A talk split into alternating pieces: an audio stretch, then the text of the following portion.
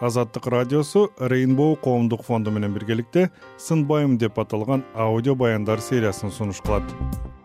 Адамдар мени менен көп сүйлөшпөйт да өзүмдү жалгыз сезип мен азыр он беш жаштамын. бир жашымда вич оорусу жугуп калды медсестра болушты жакшы көрөм лекин уруксат жок менге. Дарыгерлердин шалаакылыгы менен наристе кезинде вич илдетин жугузуп алган кыздар балакатка жетишти алар көөдөнгө толгон арманы менен бөлүшөт. Аябай доктур боломун дегим келиапты лекин дей албаймын бирөөлөр мага боор ачып мындай жардам бергиси келип атса бул мага жакпайт. Алар тагдырдын сыноосуна баш ийип отурууну каалашпайт мен хочу сынбайм сыныштыам кохламайм мен эч качан сынбаймын сөзсүз кыйынчылыктын аркасынан жакшы күндөр болот. Сынбайм деп аталган баяндар сериясын азаттык радиосунан азаттык чекит орг сайтынан социалдык баракчалардан жана подкаст платформалардан тыңдаңыз. Арман менен үмүттүн ортосундагы кыялдар. Мен досторум жок да негизичи жалгыздыкты жакшы көрөм өзүм.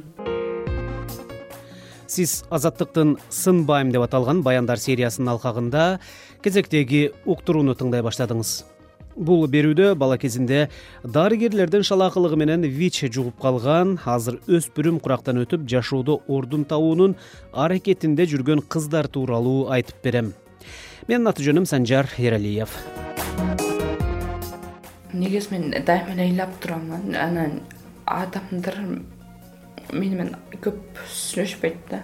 Ошого өзүмдү жалгыз сезип берем бет маңдайымда олтурган бул кыз ыйламаганга өзүн мага алсыз кылып көрсөтпөгөнгө аракет кылууда. Чындыгында анын көзүнөн эле күчтүү кыз экени байкалып турат. Менин атым үмүтжан. Мен он төрт жаштамын. Мен ошо эки миң алтынчы жылы алты айлыгымда Э, ноокат районунде мындай балдар ооруканасында вич инфекциясы жуккан мага э, шприц аркылуу кайсыл эмеден кийин врачтан кийин так билбейбиз эми эч кимдики белгисиз да ким жугузганы.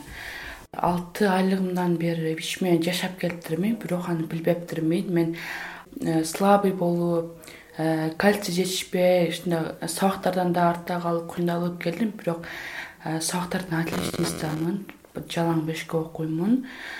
Сүрөт жакшы тартамын соолгон гүлдөрдү болуп турган адамдарды көп тартамын. Билбейм мындай өзүм ичимдеги нерсени да сүрөткө түшүрөм да менчи.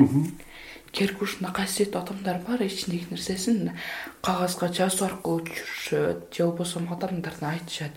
А мен айткым келбейт жазгым келбейт. Анан өзүмдүн ички нерсемди ошо сүрөткө түшүрүп коем да анан жеңилдеп калат мен өзүм бизнеске өтө кызыгам кичинемеден бери бизнес болуп төрөлсөм керек эле. Атам дагы бизнес эме кылат бизнесмен алектенет. Үмүтжандын бизнес вумен болуу кыялы чексиз. Ал үчүн азыртадан даярданып англис тилин жана математиканы тереңирээк үйрөнүп атат. Албетте анын кыялдарын угуу мага өтө кызык. Бирок мени кызыктырган дагы бир суроо бар. Ал өзүндө вич илдети бар экенин качан билген? Үмүтжанга адистер дарты тууралуу он бир жашында айтышыптыр. Ага чейин ата энеси спидке каршы уюмдардын адистери менен чогуу бир канча жылдар бою аны даярдап ысык көлдөгү атайын лагерге барып вич статусу жөнүндө ачык айтып беришкен экен. Мукадас деген эже бар болчу. Ушундай бир блокноткон вирус инфекция анан человек деп туруп ошону кыргызча которуп кыргызча айып болот деп эме кылган болду мен ушул менен ооруп экенмин да.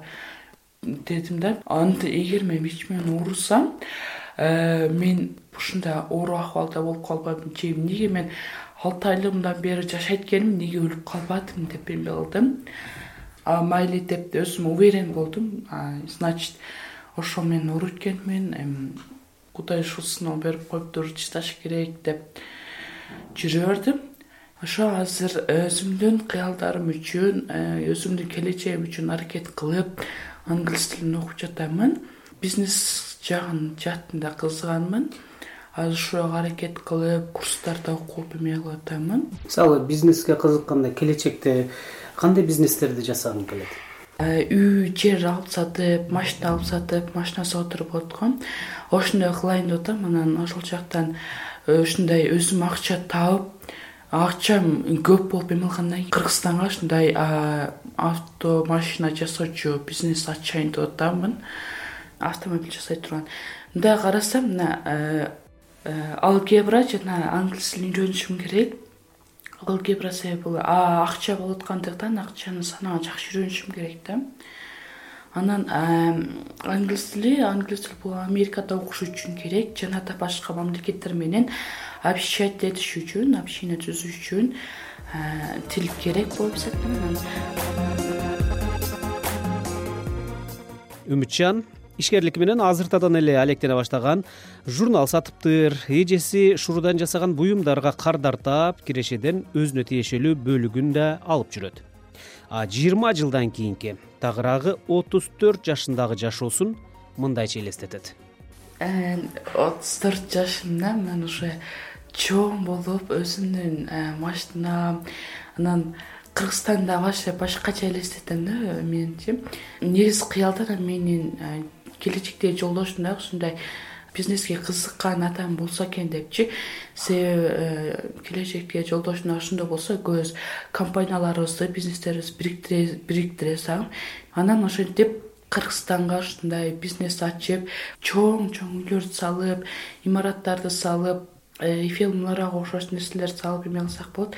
Кыргызстанда көп кооз жерлер бар дарактар бар бирок жайлоолор бар бирок аларга тийишпейбиз. э, наоборот биз мындай кургак эчтеке эме кылбаган жер болот го ошол жерге имараттарды салып э, жайлоолорду кайра мындай жашыл нерселерди кайрадан ошол жактан өнүктүргүбүз келип атат.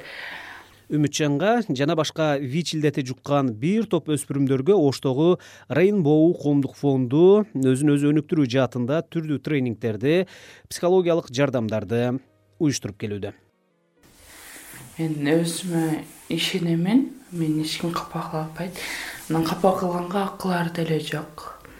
Себеби булар мени капа кылган чакта деле мен эми алар түшүнүшпөйт баары. Бир менин ордуна болгон эмес мен басып өткөн жолду басып өтүшкөн эмес ошого түшүнбөйт. Көңүл бурбаймын ага.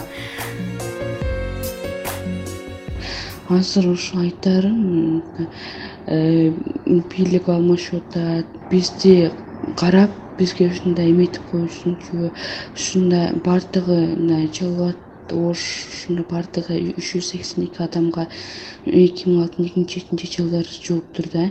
Ошол үч жүз сексен эки адамга бирден үй берип койсо жакшы болот эле да бизге берилген акча үч миңге гана зоргой жетет үч миң төрт миңге гана зоргой жетет. Анысы дагы мындай ооруп калсак дарылар дары пары бир нерселерге кетет кийим кечектерге кеткени ушинтип жетишпейт да. Сиз азаттык радиосунун сынбайм деп аталган баяндар сериясындагы кезектеги уктурууну тыңдадыңыз. Бүгүнкү каарманым он төрт жаштагы үмүтжан болду ал он сегиз жашка толо элек ошондуктан маектин алдында анын ата энесинен жана өзүнөн интервью үчүн уруксат алганмын. Эске сала кетсем эки миң алтынчы эки миң жетинчи жылдары ош жалал абад облустарындагы ооруканаларда дарыгерлердин шалаакылыгы менен үч жүз сексен эки нарестеге вич жугуп калган. Алардын айрымдары жашоо менен кош айтышты. Көпчүлүк балдар кыздар чоңоюп азыр балакатка жетип калган кез аларга мамлекеттен жөлөк пул эл аралык уюмдардан республикалык спид бирикмеси аркылуу акысыз дары берилип турат. Кийинки уктурууда үмүтжан сыяктуу дагы башка кыздардын баяндарын угасыз. Менин аты жөнүм санжар эралиев